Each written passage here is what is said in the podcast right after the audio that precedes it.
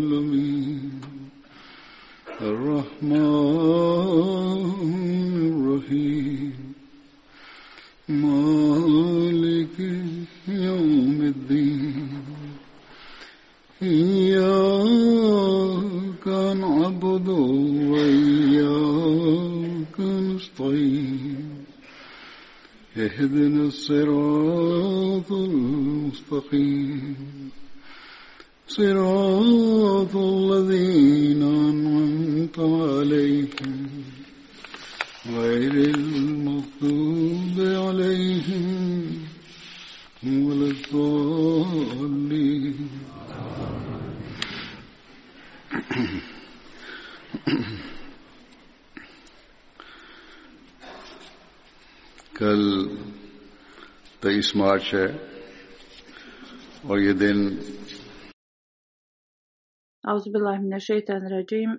Hazur kaže, sutra je mart 23. To je dan kad džemat obilježava Mesiji Maud dan, to jeste dan obećanog Mesije. Prema predskazanju časnog poslanika sallallahu alejhi ve ovaj dan je u vezi tog Mesije i Mahdija koji je predskazan da će doći u kasnim danima i koji će da informiše i raširi u svijetu u vezi istinite poruke Islama. On će da ujedini muslimane pod jednu zastavu, u stvari on će da ujedini sljedbenike svih religija pod pokroviteljstvom časnog poslanika sallallahu alih veselem i na ovaj dan je Hazreti Mirza Gula Ahmed iz Kadijana objavio sljedeći. Ja sam taj obećani Mesija i imam Mahdi koji je predskazan od časnog poslanika sallallahu alih ve Obećani Mesija alih selam je na taj dan uzeo prvi bejat, to jeste prvu zakletvu. Hazur kaže, predstavit ću nekoliko izjava obećanog Mesija Alihi Salama. U njima obećani Mesija Alihi Salam objašnjava potrebu dolaska imama, spominje stanje tog vremena, objašnjava svoju tvrdnju. On također govori o raznim znakovima koji su povezani sa ovim. U jednom stihu Obećani Mesija Salam kaže: "Ovo je vrijeme Mesije, a ne bilo koga drugog, da ja nisam došao, neko drugi bi se zasigurno pojavio." Situacija tog vremena je tražila da neko se pojavi, ko će da preporodi brod islama koji je tonuo. Kako god, mnogi muslimanski učenjaci koji su nestrpljivo čekali dolazak Mesije i njihova žudnja za njim je bila velika. I oni su iščekivali njegov dolazak, ali poslije njegove tvrdnje da je Mesija, mnogi od njih su postali njegovi neprijatelji. Oni su ulagali i pokušavali da iznesu razne laži protiv njega. I tako su nagovarali razne ljude protiv Ahmedi muslimana i zajednice, do te mjere da su pokušavali i naređivali ubistva. Čak i danas u mnogim zemljama okrutnost i nepravda. Sila i ubijanje Ahmedi muslimana se nastavlja. Ovo se sve radi u ime Islama. Je istinski islam nema ništa sa tim.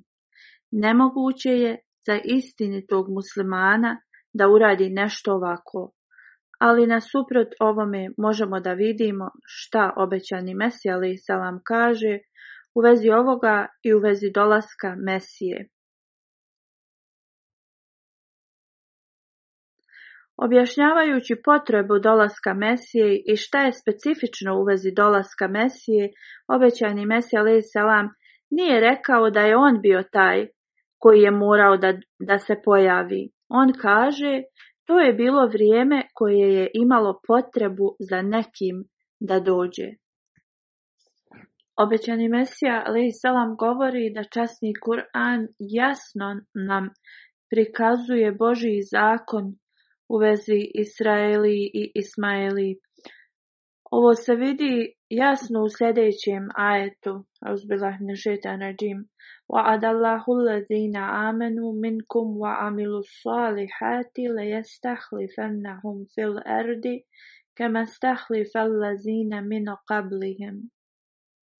Obećani Mesija salam kaže Zadnji izraelski poslanik koji se pojavio u 14. stoljeću poslije Musa Salama je bio Mesija iz Nazareta. Paralelno s ovim bilo je potrebno da Mesija iz ovog umeta se pojavi u 14. stoljeću. Dodatno, oni koji su blagoslovljeni sa vizijama su rekli da je ovo stoljeće za dolazak Mesije obećani Mesija, ali salam dalje kaže Šavali Allah i drugi iz Ehli Hadis zajednice, svi rekli su da su svi mali znaci i do nek, do nek i veliki znakovi se ispunili. Kako god, svi znakovi su, se, su ispunjeni. Nije slučaj da samo neki znakovi se ispune, radije svi znakovi za Mesiju su se ispunili. Obećani Mesija Ali salam kaže veliki znak dolaska Mesije se nalazi u Buhariju. Tu stoji era u kojoj će se Mesija pojaviti je zabilježena kršćanskom dominacijom i obožavanjem krsta. Obećani Mesija kaže, zar ovo nije to vrijeme? Da li postoji era od Adama do sada da je ovoliko bola urađeno od kršćana prema islamu? Ovo je u svakoj zemlji, ne postoji muslimanska familija da nije izgubila člana porodice kršćanstvu, onda era u kojoj će da on dođe će biti era obožavanja krsta,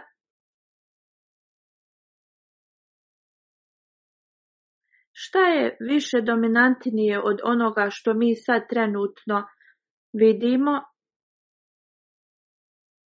Zli napadi kao od ljutih zvjeri su upućeni na islam. Ove riječi su dovoljne da odgovore na lažne optužbe protiv obećanog Mesija alaih salama, da je on bio postavljen od britanske vlade. Iz ovih riječi možemo da vidimo da li je obećani Mesija salam radio pod britanskom vladom ili je on bio postavljen od uzvišenog Allaha da odbrani Islam i dokaže superiornost Islama. Obećani Mesih salam nastavlja da li ima jedna grupa koja nije izgovorila grozne riječi protiv poslanika sallallahu alejhi ve i vrijeđala ga. Ako sad nije vrijeme dolaska obećanog Mesije, Najprije kad on može da se pojavi jeste za stotinu godina, jer mu džediti se uvijek pojavljuju na početku stoljeća. Da li islam ima moć da opstane još jedno stoljeće u stanju gdje se kršćanstvo sve više i više povećava? Ovo je dostiglo vrhunac i onaj koji je obećan da će doći je došao.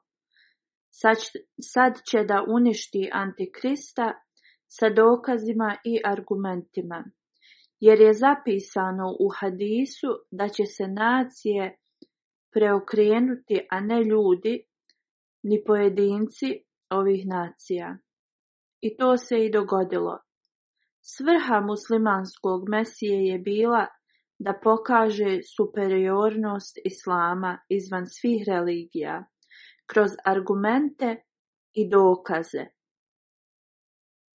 Slično on će da predstavi učenje islama da bi dokazao superiornost islama nad svim religijama i nacijama. Hiljadama nemuslimana koji se pridruže Ahmedijatu, oni to rade jedino na osnovu dokaza i argumenata obećanog mesija alihi salama. Onda prema stanju vremena obećani Mesija kaže Ako je zemljište neplodno, onda kiša nema koristi. U stvari, Kiša je loša za to zemljište. Božje svjetlo se spustilo i osvjetljava ljudska srca, pripremite se da ga prihvatite i da imate koristi od njega, to jeste spremite svoja srca, tako da ne budete kao neplodno zemljište. Nemojte da hodite tamom i da propadnete u tamu. I ako imate svjetlo, nemojte da se podstaknete. Iako je svjetlo prisutno, nemojte da padnete u tamu. Obećani Mesija alaihissalam dalje govori, uzvišeni Allah je milostiv. Uzvišeni Allah je najmilostiviji. On je milostiviji od najmilostivije majke. On ne želi da njegova stvorenja odu u propast.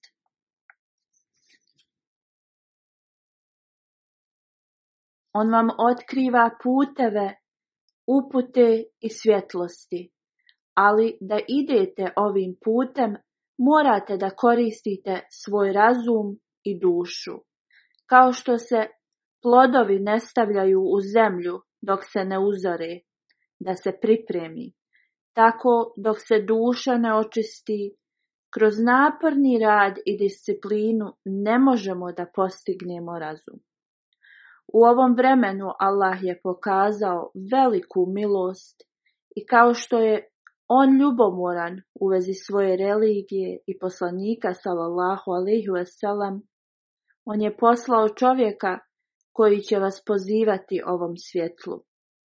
Da svi napori nisu učinjeni u ovoj eri da se naruši stanje religije, ne bi bilo nikakvih problema. Kako god možete da vidite od istoka do zapada da nacije su zaposlene da istrebljuju islam. Sve nacije su zaposlene da postignu ovu Obećani Mesija alaih salam kaže, sjećam se i zapisao sam to u Brahini Ahmedija, da 60 miliona knjiga protiv Islama je bilo ištampano. Ovo je bilo u toku obećanog Mesija alaih salama, skoro 150 godina prije. On dalje kaže, čudo je da je populacija muslimana u Indiji bila 60 miliona, a broj knjiga je bio isti broj koji je ištampan. Tad je muslimanska populacija bila 60 miliona, sad je 500 do 600 miliona, možda i više. Obećani Mesija salam kaže, možemo da vidimo iz ovoga da je svaki musliman dobio po knjigu protiv islama. Znači, napisali su knjige koje su bile knjige opozicije jednakom broju kao što je bila muslimanska populacija. Sad kroz razne društvene mreže ovo se još više povećalo, nove taktike su izmišljene i koriste se. Obećani Mesija Ali Salam govori da oponenti su ištampali knjige i davali ih svim muslimanima. On dalje kaže da Allahova ljubomora nije dozvolila i da nije obećao Zasigurno islam bi bio izbrisan sa zemaljske kugle, ali ne, ovo se nikada neće desiti, Allahova skrivena ruka ga čuva. On kaže, puno me rastužuje to što muslimani ne obraćaju pažnju na islam. Više se brinu u vezi organizovanja svadbi. Ja sam često čitao da čak i kad kršćanke preminu ostavljaju stotine i hiljade rupija za širenje kršćanstva. U tim danima ljudi su više se brinuli u vezi religije, pogotovo kršćani i kršćanke, i davali su svoje živote u službu kršćanstva. U vezi situacije u, u vezi tog vremena obećani Mesija i Salam govori hiljadama kršćanskih žena su išle od kuće do kuće i na svaki način su činile da promijene vjeru drugih. Ja još nisam vidio nijednog muslimana koji je ostavio 50 rupija poslije njegove smrti za širenje islama. Nasuprot, za svadbe i ovo svjetske prilike troše u obilnim količinama. Ovo je i na današnjici isti je slučaj. Oni koji troše za islam ako usporedimo koliko troše za ovo svjetske potrebe, nema poređenja, a za islam ne daju ništa. Da li je stanje muslimana može biti gore od ovoga?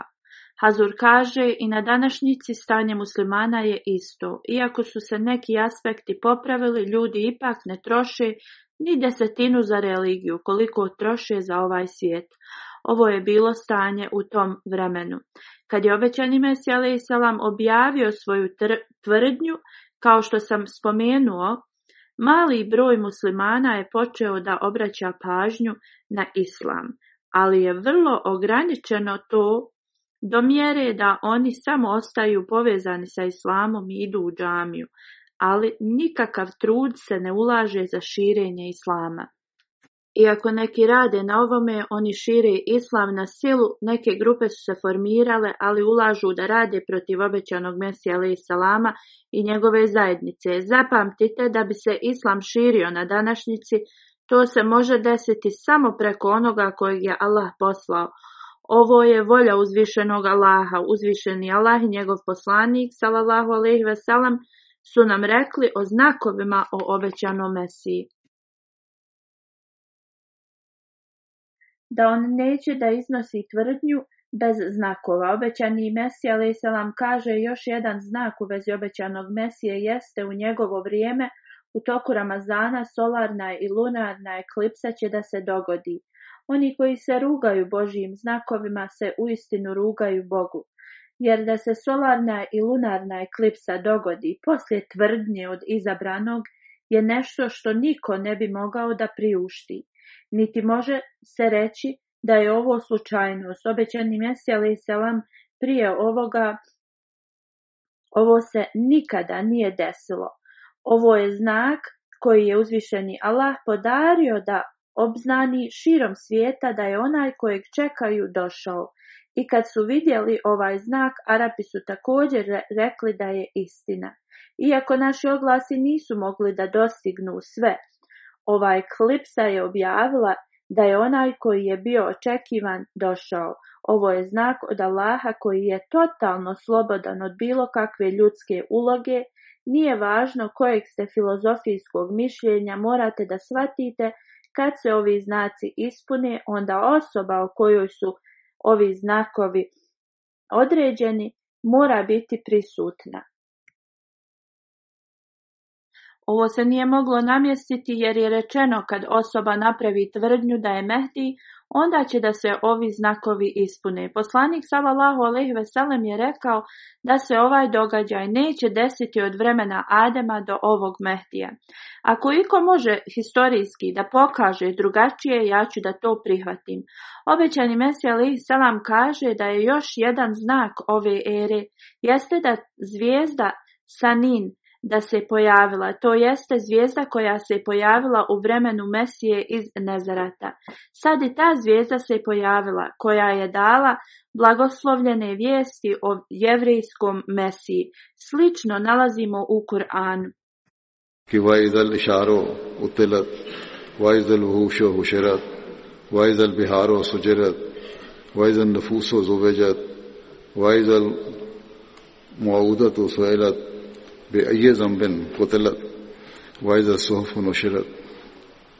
ovo su predskazanja iz časnog Kur'ana da zvijeri će biti skupljene zajedno i tako dalje.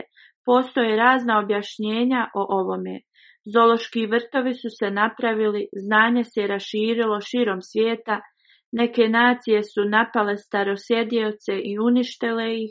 Također spominje da će okeani da budu spojeni, ujedno, da ljudi će biti zajedno. Komunikacija je sad postala vrlo lahka. Osobe u sekundi širom svijeta komuniciraju. Dalje žene su bile tretirane loše, nisu imale prava, koje su bile ubijane, one će da pitaju kojim povodom smo ubijane. Knjige će da budu širom svijeta, mediji i svi ostali aspekti dokazuju da je ovo vrijeme obećanog Mesije i predskazanja o ovome su u časnom Kur'anu. Obećani Mesija ali salam govori da Kamila u toj eri dok u prijašnjim erama je bila najbolji način za putovanje, Kamila će postati beskorisna.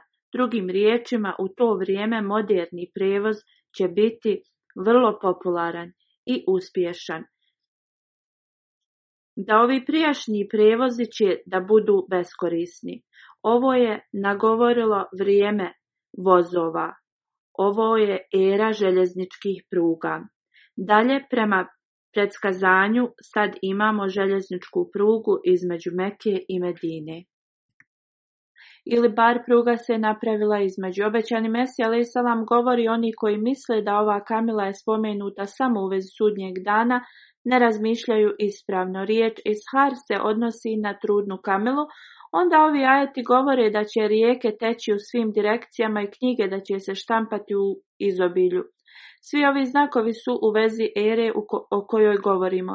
Dalje o dokazima gdje će obećani Mesija Isalam da se pojavi, obećani Mesija govori da će Antikrist da se pojavi na istoku, a naša zemlja je na istoku.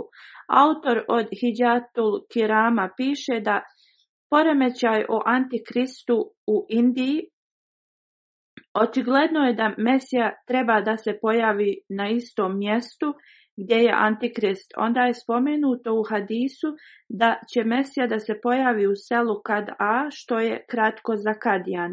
Moguće je da u Jemenu postoji selo sa ovim imenom.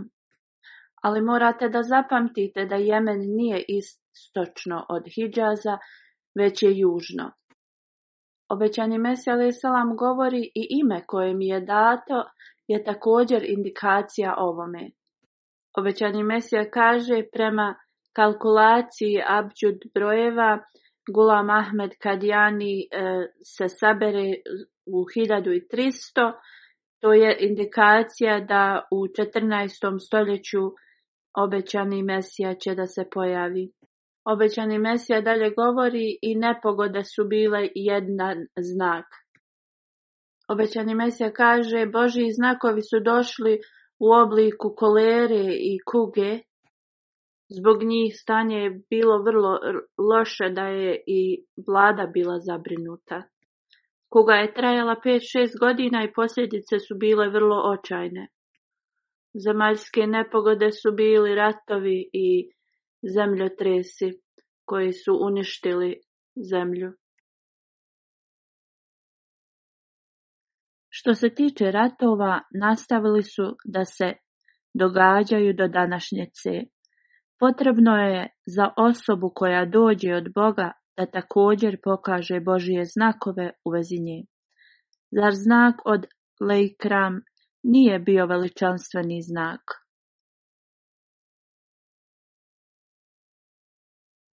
Ovo sa njim je trajalo pet godina, oba dvojica su davali obavijesti i tako dalje. Postalo je poznato svima da, da je Lejkrama se takmičio s obećanim Mesijom salam, ali onda, kao što je predskazano, to se i desilo.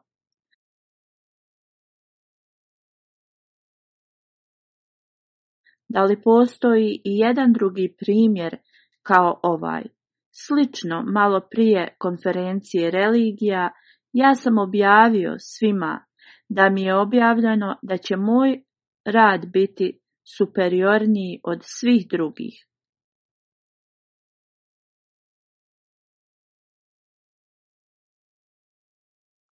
Oni koji su prisustvovali ovoj konferenciji mogli su da shvate i zaključe sami za sebe da pretkažem o ovome iz, samo iz slučajnosti se nije moglo desiti. Na kraju i ovo predskazanje je bilo ispunjeno. Ja ću da pročitam izjavu iz novina u to vrijeme u vezi ovoga. Ona glasi ovako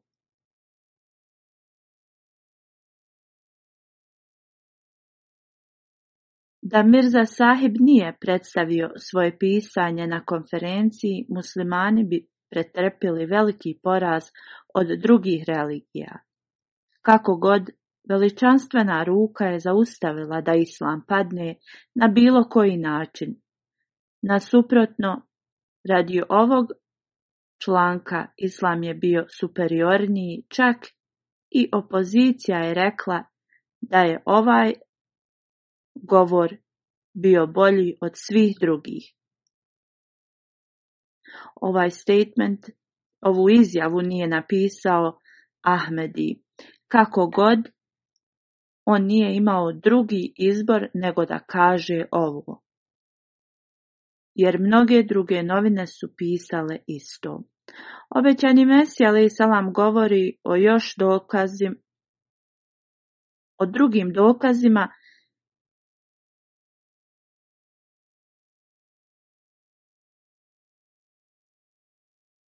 da je on postavljen od Allaha.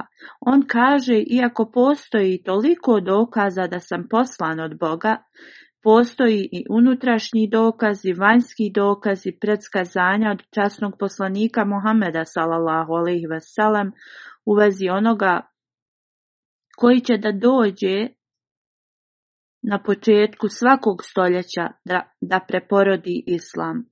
Onda postoji Božje obećanje da će da sačuva Kur'an koji glasi mi smo poslali Kur'an i mi smo ti koji ćemo da ga sačuvamo.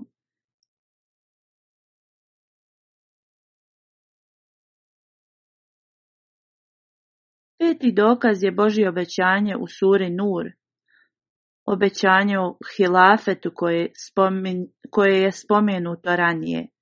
Uzvišeni Allah kaže lazina amenu amanu minkum wa amilu salihati fil fil الْأَرْضِ كَمَا fel lazina min qablihim. Prema ovome Božije obećanje o halifi iz ummeta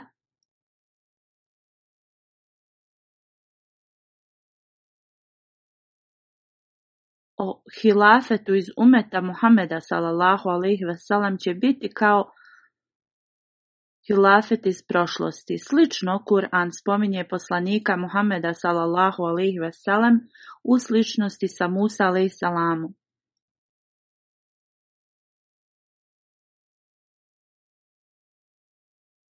Inna erselna ilaykum rasula Šahidan aleikum kema ersalna ila Faruna Rasula.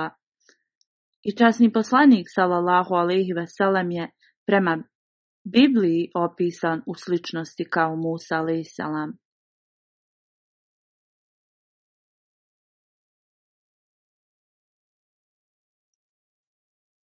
Slično kako je ovdje riječ sličnost korištena u suri Nur, onda nam to ukazuje da između Musa a.s. i Muhameda sallallahu sličnost u Božijem zakonu. Sistem Musa a.s. i Božijeg zakona koji je dat njemu se završio dolaskom Isa a.s. koji se pojavio u 14. stoljeću poslije Musa a.s. Uspoređujući između ova dva kvaliteta prvog mesije i dolaska drugog također u 14. stoljeću poslije časnog poslanika sallallahu alejhi sa sličnostima prvog Mesije, čak da uzvišeni Allah nije predstavio sve ove dokaze, prirodno je između ova dva duhovna sistema dolazak i sličnost prema Isa alejhi salamu bi se dogodila također u umetu sljedbenika Muhameda sallallahu ve sellem.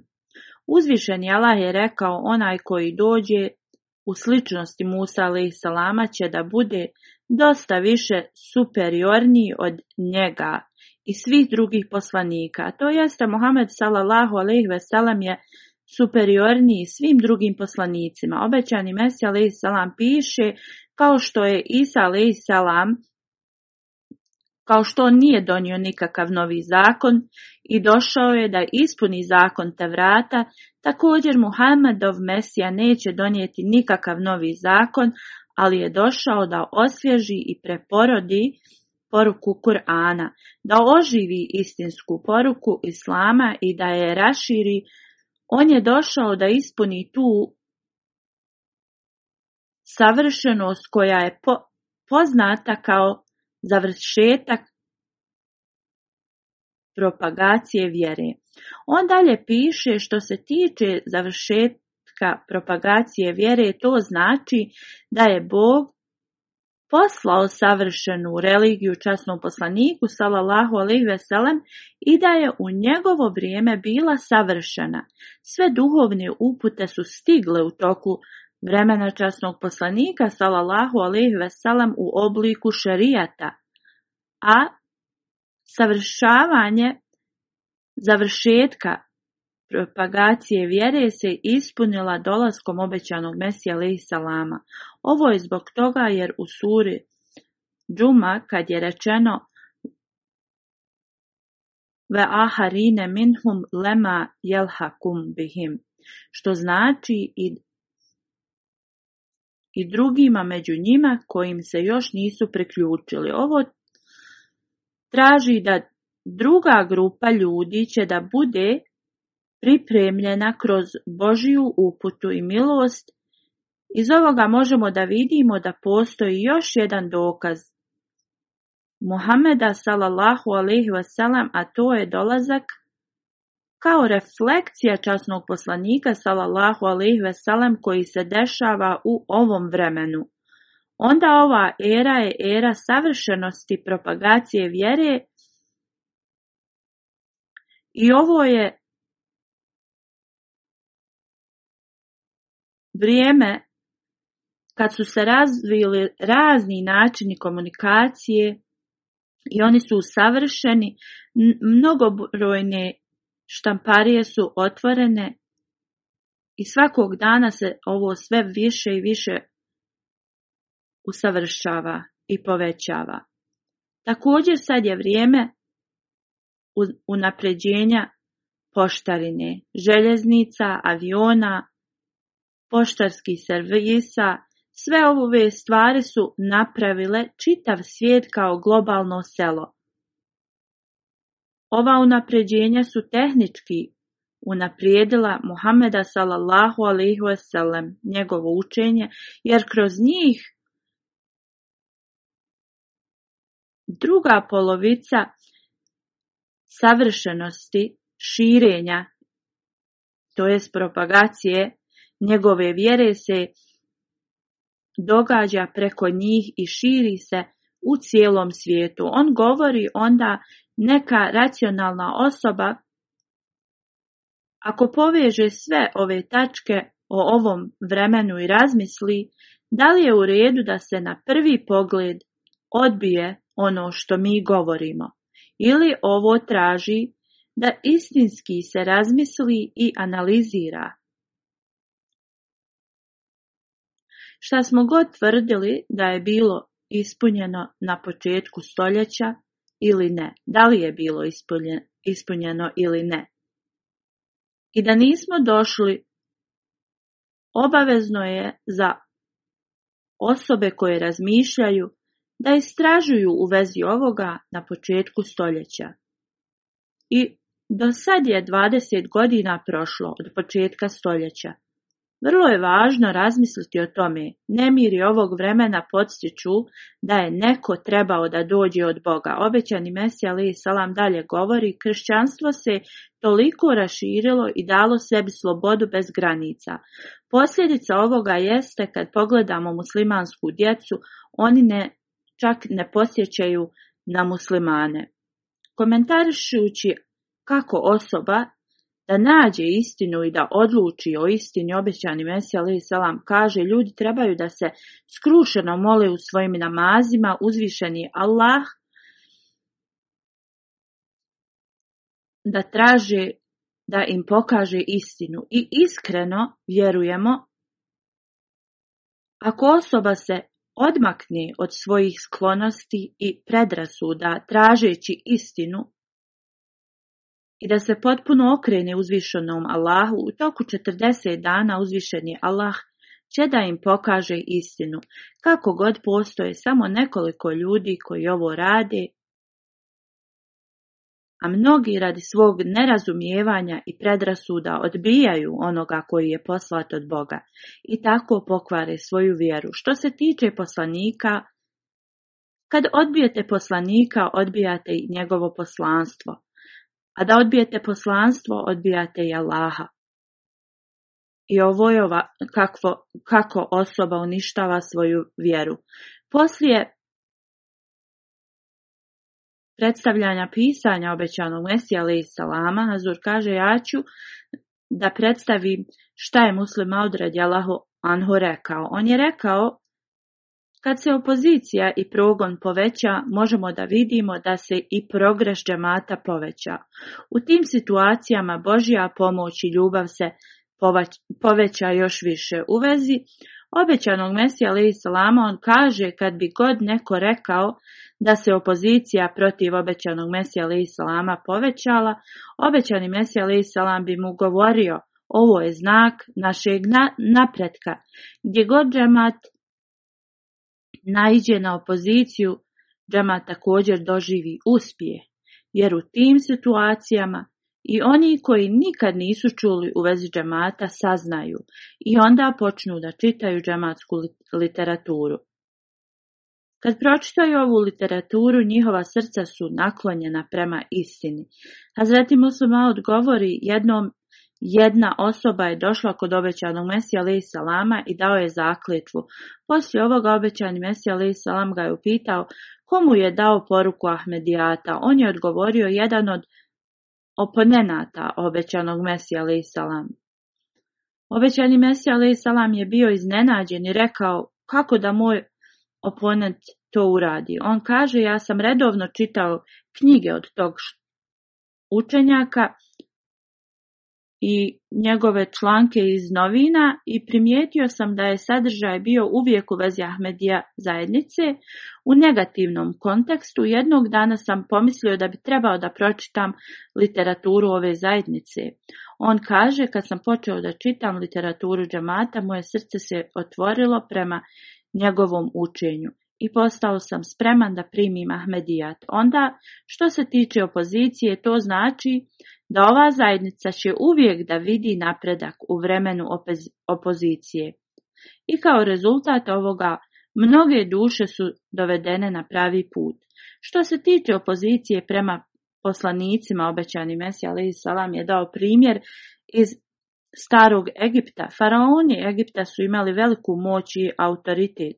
Musa alaih salam je bio osoba koja, koja nije imao važnost u to vrijeme, ali on je otišao kod faraona sa porukom. Faraon ga je upozorio, rekao je da ako ne prestane, ne samo da će okončati njegov život, ali također ugroziti život njegove nacije. Musa a.s. je odgovorio da nikakva ovo svjetska moć ga neće zaustaviti da prestane govoriti o Božijoj poruci. Obećani Mesija Salam je rekao ovo je bio slučaj Isa Salama i časnog poslanika Muhameda sallallahu Sličan, sličan slučaj je bio i sa obećanim Mesijom a.s. o čemu smo mi svjedoci i u ovoj eri. Sve nacije su postale njegova opozicija do neke mjere, čak i neke vlade su postale njegova opozicija, pred kraj njegovo, života opozicija se malo smirila. Mnogi religijski učenjaci i njihovi sedbenici su i ugledni, ugledne ličnosti su postale njegova opozicija. Ukratko, oluja opozicije se dogodila sa svih strana. Mnogi ljudi su pokušali da ga odvrate do te mjere da neki radi prijateljstva su također savjetovali ga da odustane od nekih tvrdnji. Neki su rekli ako odustane od nekih svojih tvrdnji, onda mnogi će da uđu u velikim brojevima u njegovu zajednicu. Obećani Mesija alaih salam nije obraćao pažnju na, njihov, na njihove riječi i nastavio je sa svojom misijom. Njegovi neprijatelji su nastavili da to, do te mjere da su neki čak bili i ubijeni. Uprkos tome i toj svojoj opoziciji obećani Mesija alaih nije imao on u to vrijeme nije imao nikakvih uslova da im se suprostavi. On je nastavio svoju misiju. Hazreti Muslima dalje piše da mnogo sam puta čuo ovo od obećanog Mesija Lej salama, da slučaj poslanika je sličan onome u vezi jedne starice koja je postala senilna i kad bi god izašla iz svoje kuće, nju bi djeca ismijavala, nisu joj dali mira, onda bi ona klela. Jedan dan stanovnici tog sela su se sakupili i rekli da njihova djeca bez potrebe uznemiravaju tu staricu i da je njihova i da je ona njihova žrtva već dugo vremena. Oni su rekli da moraju zaustaviti svoju djecu, da njene kletve ne donesu kaznu. Onda su odlučili da ne puštaju svoju djecu napolje, zaključali su ih. Sljedeći dan, kad su djecu zaključali, ona je izašla na ulicu i hodala je.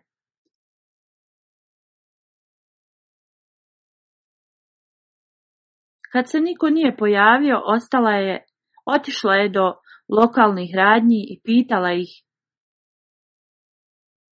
da li su se vaše kuće srušile? Da li su vaša djeca sva pomrla? Šta se je desilo? Nisam vidjela ni jedno od njih. Ona je išla od radnje do radnje i govorila je ovo. Oni su rekli, nije važno da li mi držali djecu u kući zaključane ili, ili ne, ona ne prestaje. Ovo je slično poslanstvu, stanju poslanika. Ljudi prvo napadaju, rugaju im se i tako dalje, pa onda kad njihovo zlo pređe sve granice, onda oni malo popuste u svom progonu. Ali nije važno šta se dešava, poslanici ne odustaju i nađu način da njihova poruka dostigne do ljudi. Jedan od prijatelja obećanog Mesija lej salama iz djetinstva, Batalvi Sahib je uvijek hvalio pisanje obećanog Mesije. Poslije njegove tvrdnje on je rekao, ja sam onaj koji ga je uspostavio, ja ću biti taj koji će da ga dokreći. Ko bi pomislio da neko, kao što je Mulvi Mohamed Batalvi Sahib bio, i da ovo kaže da će da uništi ovu osobu, ali zapravo nije uspio u tome. On je uistinu bio osoba koja je mogla da to učini. Također rođaci obećanog Mesija Ali su davali izjave protiv njega, pa čak i u novinama su objavljivali da ova osoba jedno ovo radi da bi stekao novac. Na ovaj način okrenuli su cijeli svijet protiv njega. On kaže, ovo se desilo na mom početku. Mnogi radnici nisu željeli da ispunjavaju svoj rad u njegovoj kući, zbog toga što su njegova porodica i rodbina su ih posticali na to. Ukratko, cijela okolina su, je pokušala da ga uništi. Ali šta se u stvari desilo? Danas njegovo ime se zna u 212 država širom svijeta. Ako ovo nije znak njegove istinitosti, šta je onda? Dok je govorio o drugom znaku njegove istinitosti, on kaže, kad je jednom obećani Mesija i Selam bio optužen, sudija je bio Hindu i Arias, narod Arija su ga navratili da presudi da je obećani Mesija krivac. I on je obećao da će to da i da uradi. Onda je Ahmedi došao kod obećanog Mesije i rekao, Hazur sudija će da presudi protiv tebe. Tad je obećani Mesija, ali i salam, ležao. Odmah je ustao i rekao, ko može staviti ruku na Božije glava? Neka pokušaju da stave ruku na Božije glava. Ovaj se slučaj desio da je bio predstavljen pre, ispred dvojice sudija.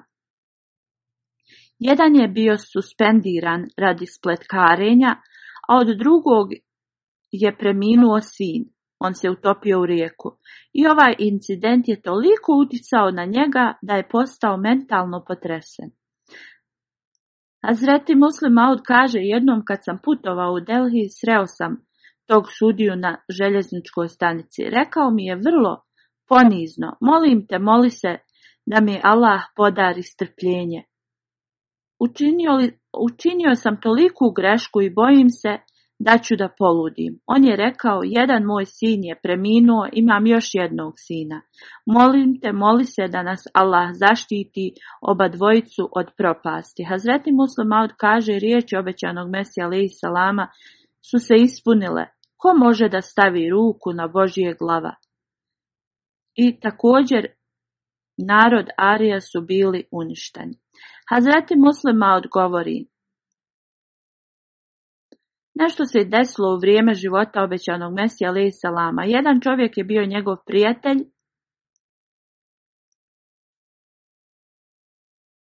On se zvao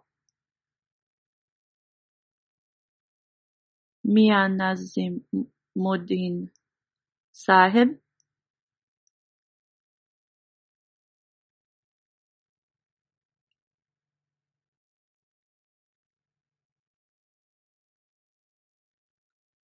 On je također bio prijatelj od Mulvi Mohamed Batalvija sajba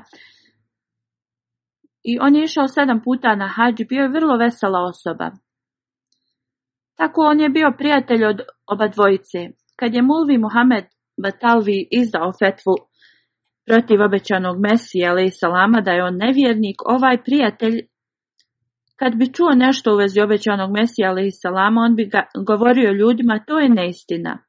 Odite, podsjetite obećanog Mesiju ali Salama, on je vrlo pobožna osoba i živio sam sa njim.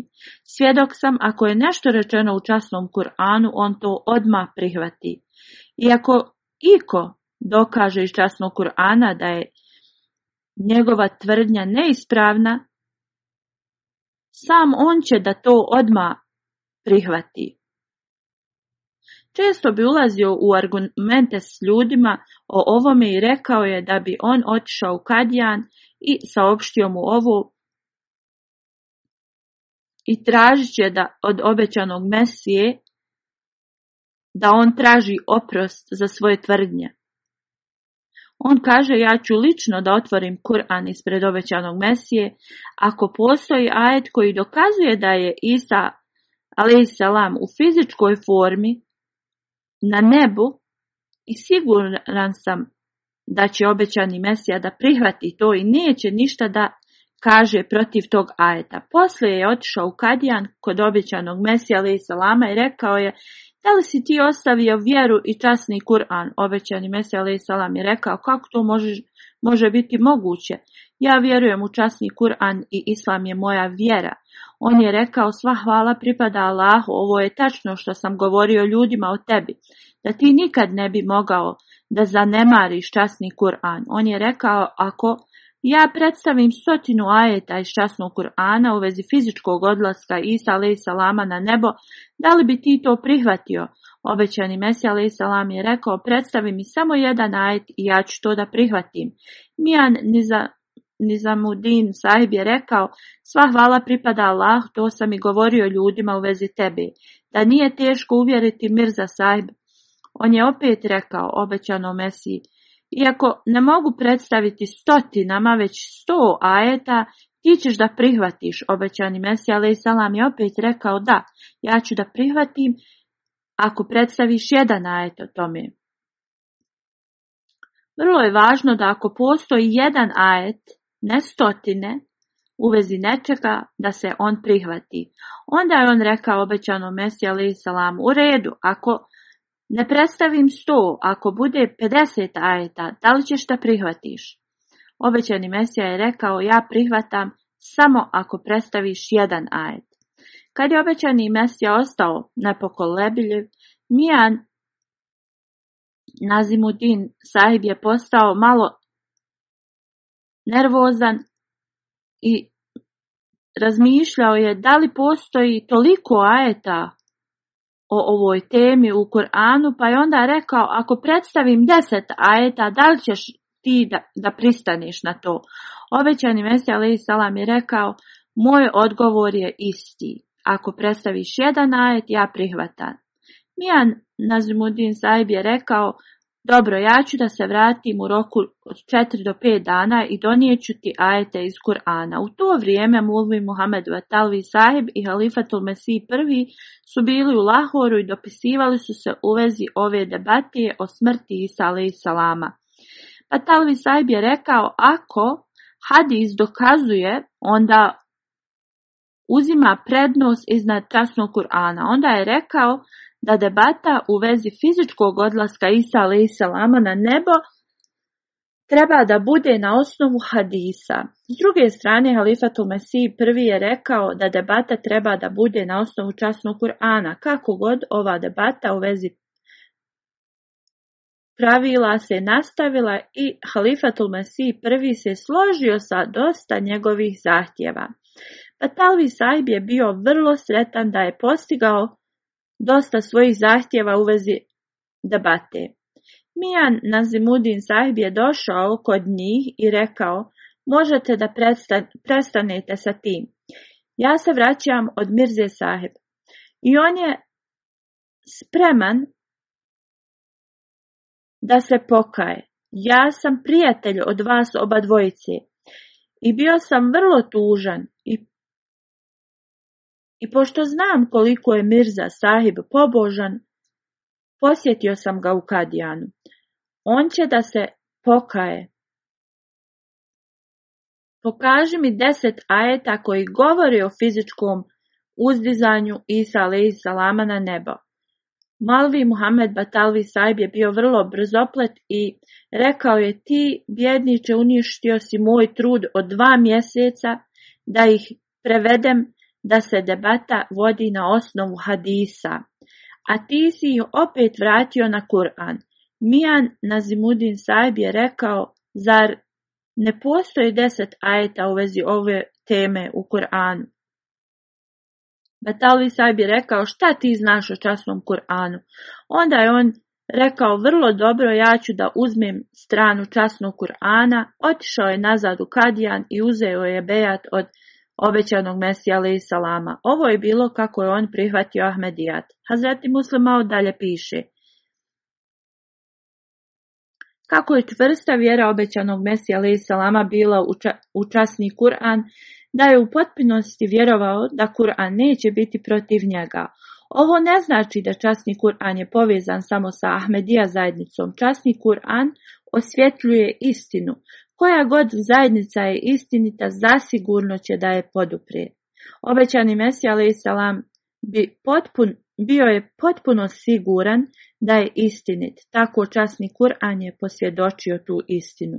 Radi ovoga obećan Mesija salam je rekao da bilo koja njegova tvrdnja, ako nije u skladu s časnim Kur'anom, bi je odmah odbacio. Ovo ne znači da je on sumnjao u istinitost njegovih tvrdnji. Radije, on je ovo rekao zato što je bio potpuno siguran da će časni Kur'an da posvjedoči njegovu istinu.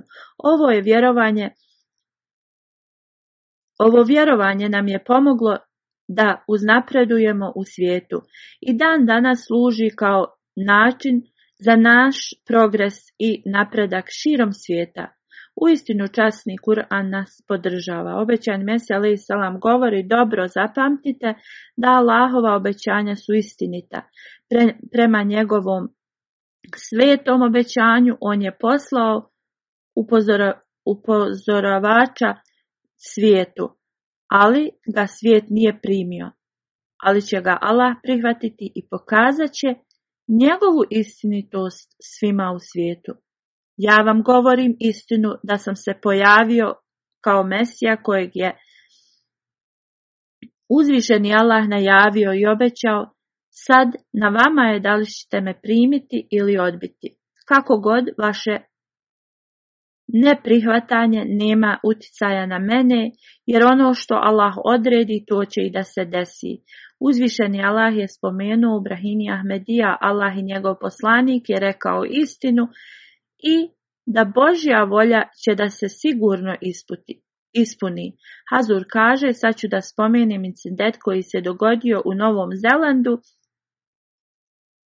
Želio sam da govorim ovo, u vezi ovoga prošlog petka pred kraj hudbe, ali sam zaboravio. U svakom slučaju, sam oficionalno se oglasio ispred Ahmedija zajednice i izrazio moju saučut. Mnogi ljudi i djeca su ubijeni zbog religijske mržnje da Allah podari svoju milost na sve njih i podari strpljenje njihovim porodicama. Jedna od koristi za zato što nisam ovo spomenuo prošle hudbe jeste da se mnogo toga desilo od prošlog petka do sad. Na najbolji način zelandska vlada posebno premije se obhodila prema ovome, njihov način ponašanja je hvale vrijedan, islamske vlade mogu da nauče od njih i da pomognu da se iskorijeni religijska mržnja. Društvo je pokazalo punu pažnju, čuo sam da na radiju i televiziji da će ezan biti emitovan u toku džume da izraze solidarnost muslimanima. Dalje i žene su rekle da će da nose maramu kao znak solidarnosti s muslimankama, da uzvišeni Allah blagoslovi njihova dobra djela i da im omogući da prihvate istinu. Mnogi muslimani su poginuli od ovog okrutnog ubice jedna gospođa, dok je bila intervjusana pokazala je toliko strpljenje u vezi smrti njenog sina koji je imao 21 godinu i njenog muža. Oni su dali život za pobožan i vrlo važan uzrok. Spašavali su druge dok su izgubili svoje živote. Dala obaspe svoju milost na njih. Ovo je zaista tužan i tragičan događaj. Muslimani u Novom Zelandu su pokazali istinitu strpljivost. Ovako je kako muslimani trebaju i očekuju i očekuje se od njih da se ponašaju. Kako god neke ekstremne organizacije su se zaklile da će da se osvijete za ovo. Iako je ovo apsolutno neispravno i samo će da poveća mržnju između ljudi.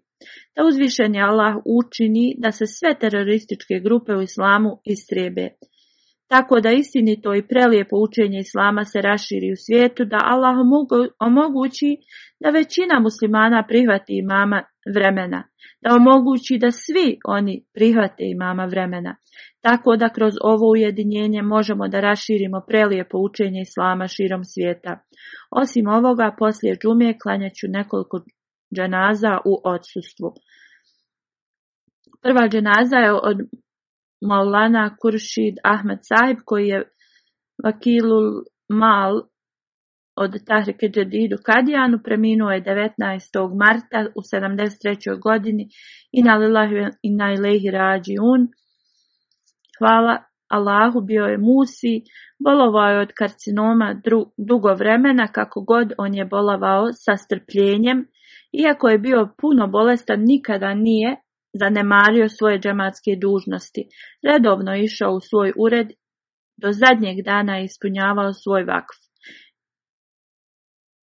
Ja vjerujem da je ispunio svoj život na način na koji je trebao da to ispuni. Abdul Azim sahib je bio njegov otac, Derviš iz Kadijana, njegov otac je bio prvi u svojoj porodici koji je primio Ahmedijat. Kad je preminuo Ahmedijat, kad je primio Ahmedijat, njegov djed se protivio tome do te mjere da je čak i tu kao njegovog oca, poslije njegov djed se preselio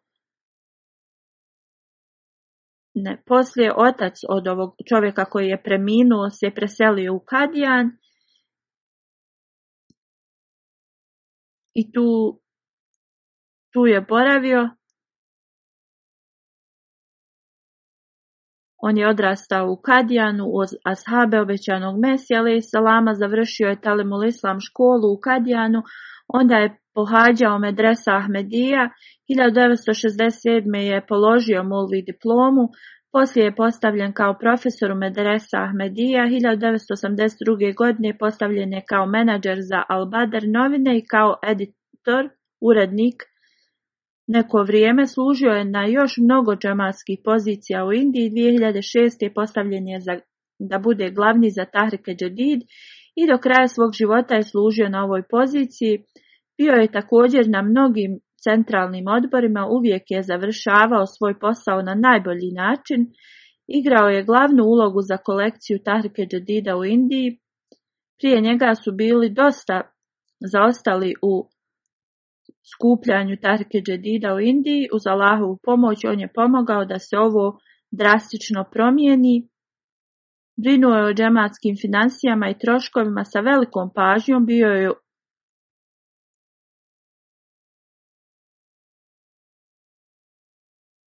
obrazovana, učevna osoba i napisao je odlične radove. Imao je priliku da radi dosta kao urednik u El Badar novinama. Njegova izdanja su bila puna religijskog znanja. Otprilike 40 godina prije učestvovao u jednom takmičenju koje je bilo u vezi časnog poslanika sallallahu alejhi i bio je osvojio je prvo mjesto. On je posjedovao mnogo kvaliteta. Prije Dželsa Lani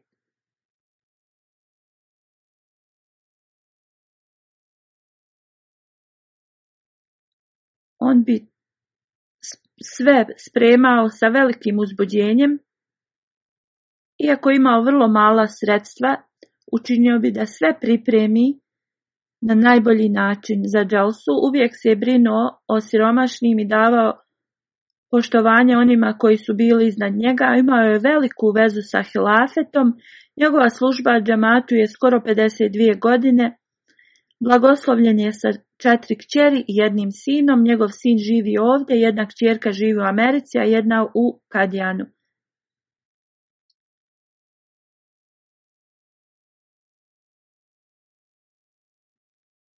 Halid Ahmed Aladin Saib je njegov zet, on piše u toku njegove bolesti, kad bi god pitao da se odmara, on bi rekao da ne želi i da želi da služi do zadnjeg trenutka svog života i da želi da se sretne sa uzvišenim Allahom u takvom stanju.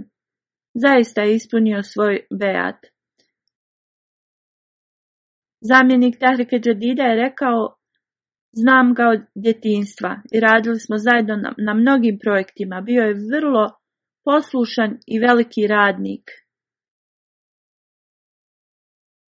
Iskreni radnik. Imao je veliko znanje o financijama kad je postavljen za glavnog za Tarke prikupio je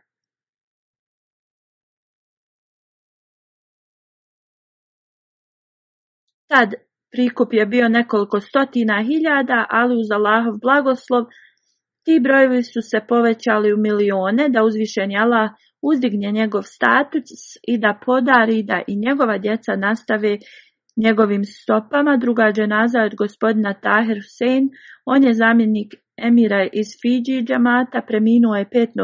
marta u 72. godini i na Lillahi i Ilih Rađijun, dugo je služio Fiji džamatu, bio je pobožan, iskren, hvala Allahu i on je bio musi,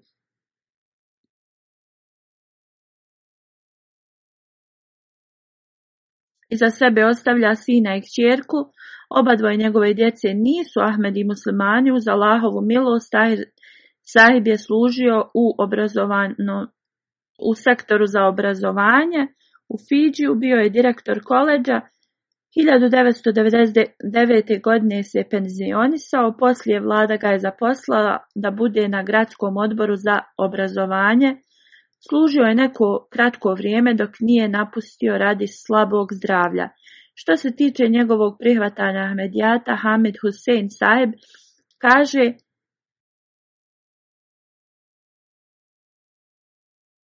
Tahrov prvi zadatak je bio u osnovnoj školi, tad sam bio sekretar škole, postali smo prijatelji i provodili smo dosta vremena zajedno. Iako je bio protiv džamata, on bi slušao i davao je svoje mišljenje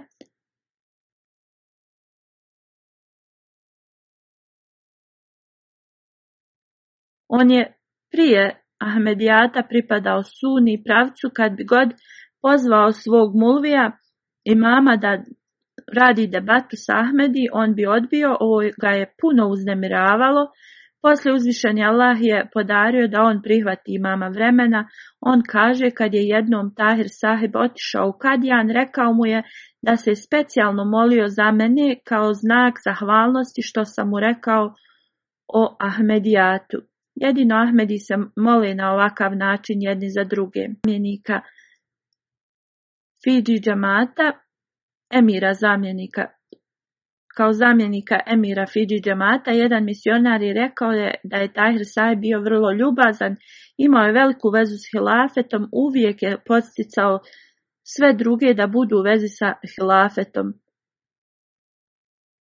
Ako bi nekad imao različito mišljenje od i rečeno mu je da halifa ima drugačiji pogled na to, odmah bi promijenio, promijenio svoje mišljenje.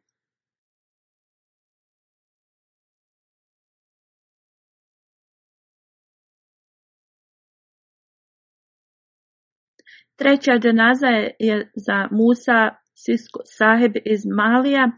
15. februara je preminuo i na Lilajvina ili Rađiun bio je komadant u armiji. Saznao je u vezi Ahmedijata kroz magazin, poslije je bio u redovnom kontaktu sa misionarom, primio je Ahmedijatu 2012. godini, 2013. kad je radio stanca otvorena, on je bio direktor i bio je predsjednik džemata. Kad je radio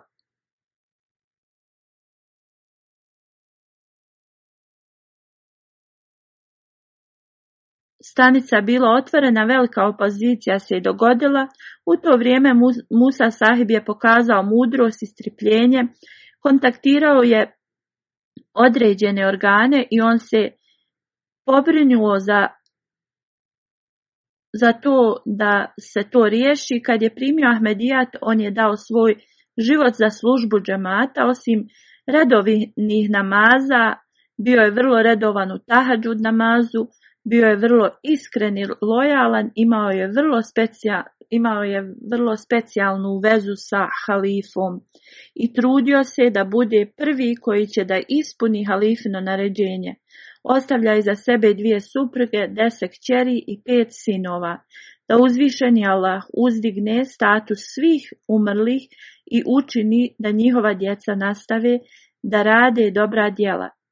Tahir Saheb njegova djeca nisu Ahmedi da uzvišeni Allah im omogući da prihvate imama vremena.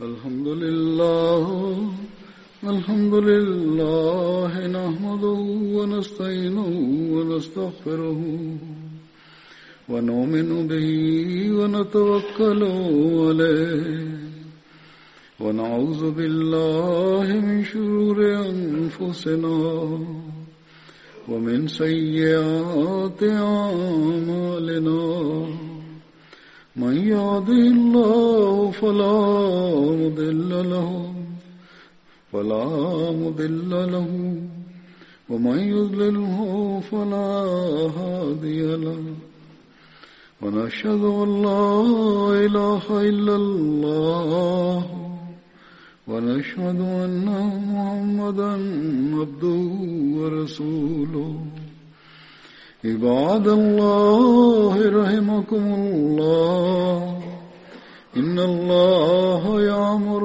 بالعدل واللسان وإيتاء ذي القربان وينهى عن الفحشاء والمنكر والبغي يعظكم لعلكم تذكرون اذكروا الله يذكركم وادعوه يستجب لكم ولذكر الله أكبر